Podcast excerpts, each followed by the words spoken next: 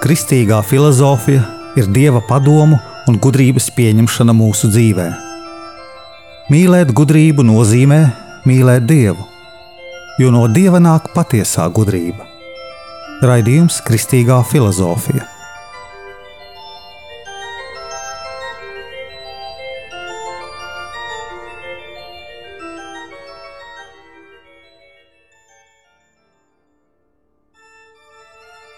Es esmu Jānis Valtra Vitsenheims, un ar jums ir 86. raidījums Kristīgajā filozofijā.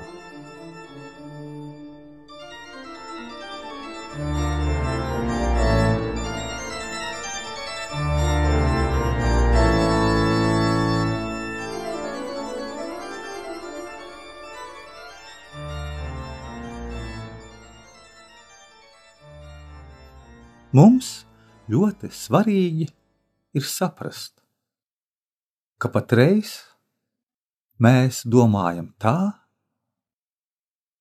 kā izvirzījās mūsu domāšana pēc Franču revolūcijas.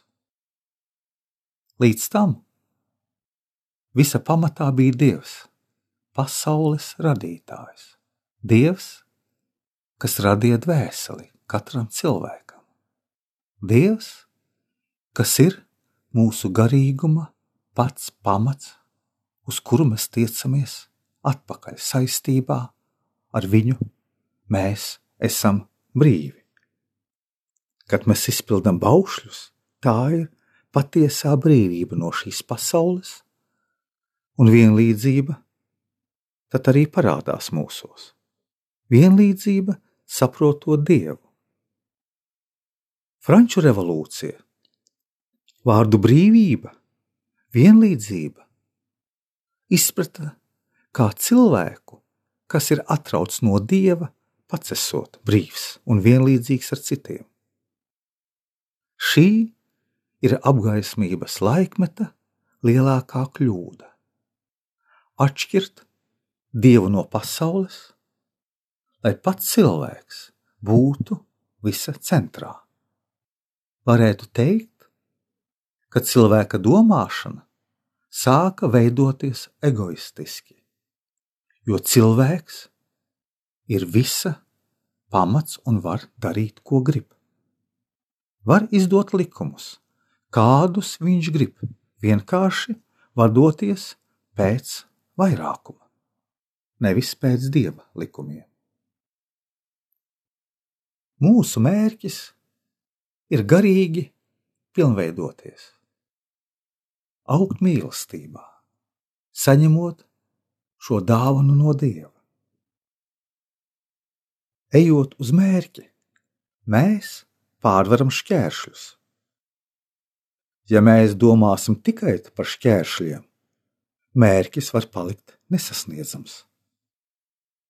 Kā austrumnieku populārajā parunā par suni, kas rej, bet karavāna iet tālāk.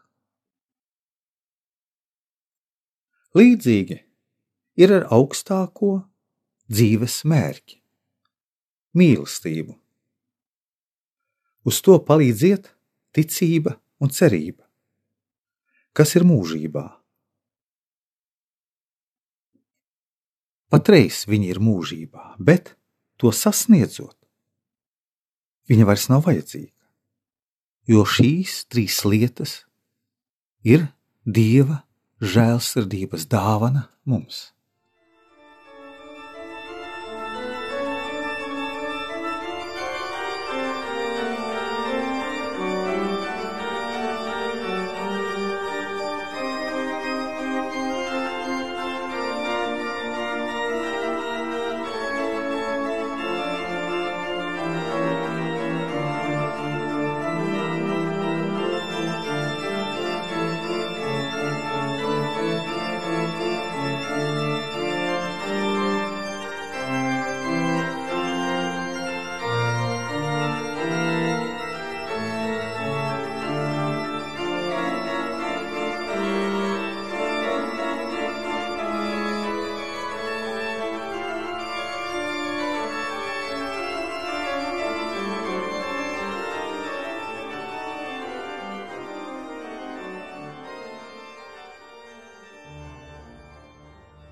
Turoties pie Dieva žēlsirdības dāvanām, ticības, cerības un mīlestības, mēs virzāmies uz robežu, kad pārsniegsim mums izvēlēto laiku. Neskatoties uz šķēršļiem un ciešanām dzīves laikā, atkāpjoties no paša svarīgākā, mums svarīgas paliek lietas ar mazāku vērtību. Kā piemēram, esot peļķē, mēs domājam, kā izkāpt no tās. Izkāpuši, ka jāiet tālāk. Jāiet tālāk uz to mērķi, ko mēs esam savā dzīvē izvēlējušies. Tas kristīgajā filozofijā ļoti labi atspoguļojas Vladimira Solovjova trīs garīgās dzīves pakāpienos. Miesas grēks, prāta grēks, varaskāre. Miesas grēks, kamēr mēs cīnāmies ar sevi, ar apkārtējiem grēkiem, nespēdami tos pārvarēt un izpildīt desmit dieva baušļus. Prāta grēks ieiet mūsos var tad, kad zinām, ka patreiz mēs esam tīri no grēka. Un mūsos ienāk doma, ka mēs esam izredzēti un vareni. Varas skāra ir tad, ka balstoties uz tā, mēs paliekam lepnībā līdzīgi Luciferam. Mēs vēlamies tad pārvaldīt citus un veidot šo pasauli, kādu mēs vēlamies, būdami tomēr nepilnīgi.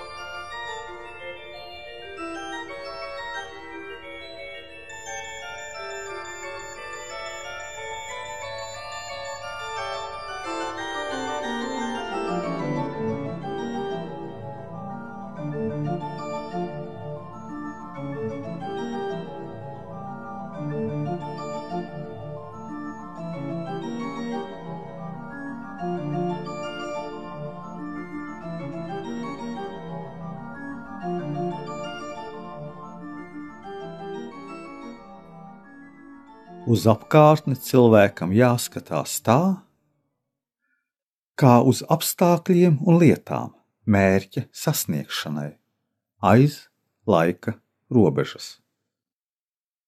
Varētu teikt, ka muļķi cīnās par mantu, gudrie par paša dvēseli, tīru no pasaulīgām tieksmēm. Laime ir katra cilvēka personīgais mērķis, neskatoties uz grūtībām, caur kurām cilvēks iet, lai to sasniegtu. Katru dzīves mirkli ik viens cilvēks atrodas unikālā stāvoklī.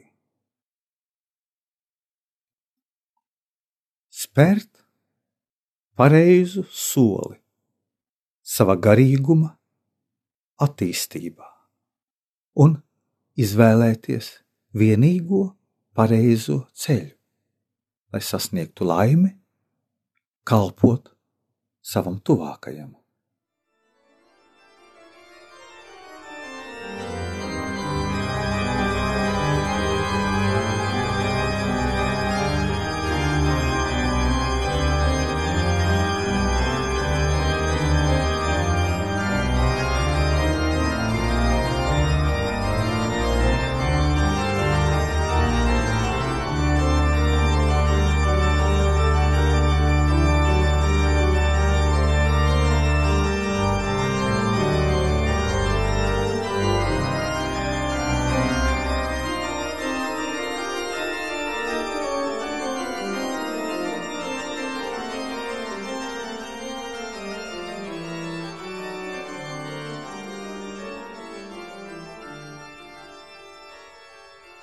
Sabiedrība balstās uz kādu pozitīvu pamatu.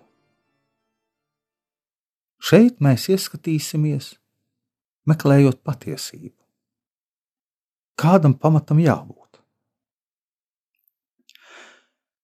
Sabiedrība balstās uz likumiem dabiskajiem cilvēkā, uz dieva gribu vai cilvēku gribu.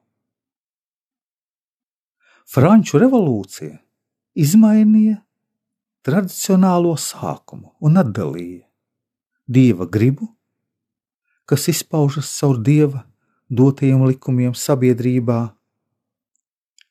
no tautas gribas. Un tās izveidotiem likumiem sabiedrībā, tātad valstī.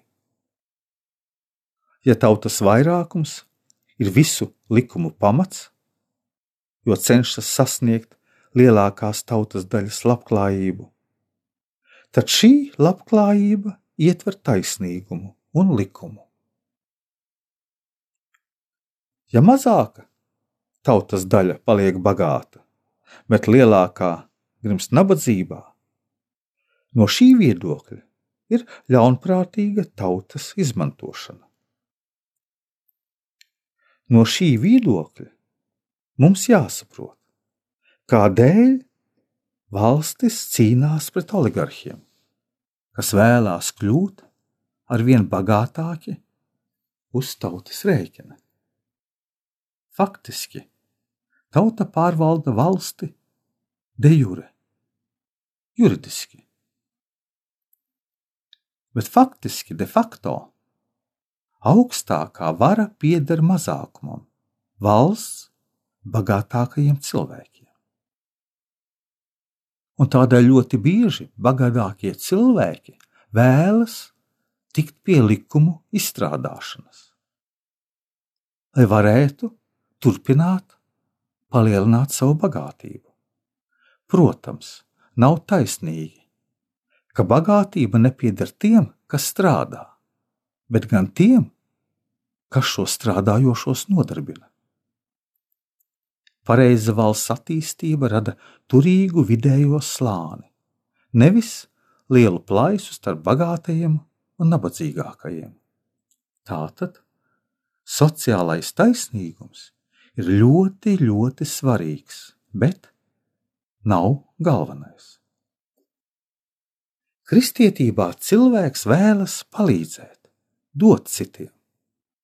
Sociālismā vēlas noņemt citiem un izdalīt. To mēs Latvijā labi atceramies tautas deportācijās, kad izsūtīja bagātākos, lai noņemtu viņiem godīgi ar centību nopelnīto mantu un izdalītu, apsaimniekotu to visi. Tā veidoja ekonomisko vienlīdzību. Bet vai tas bija godīgi?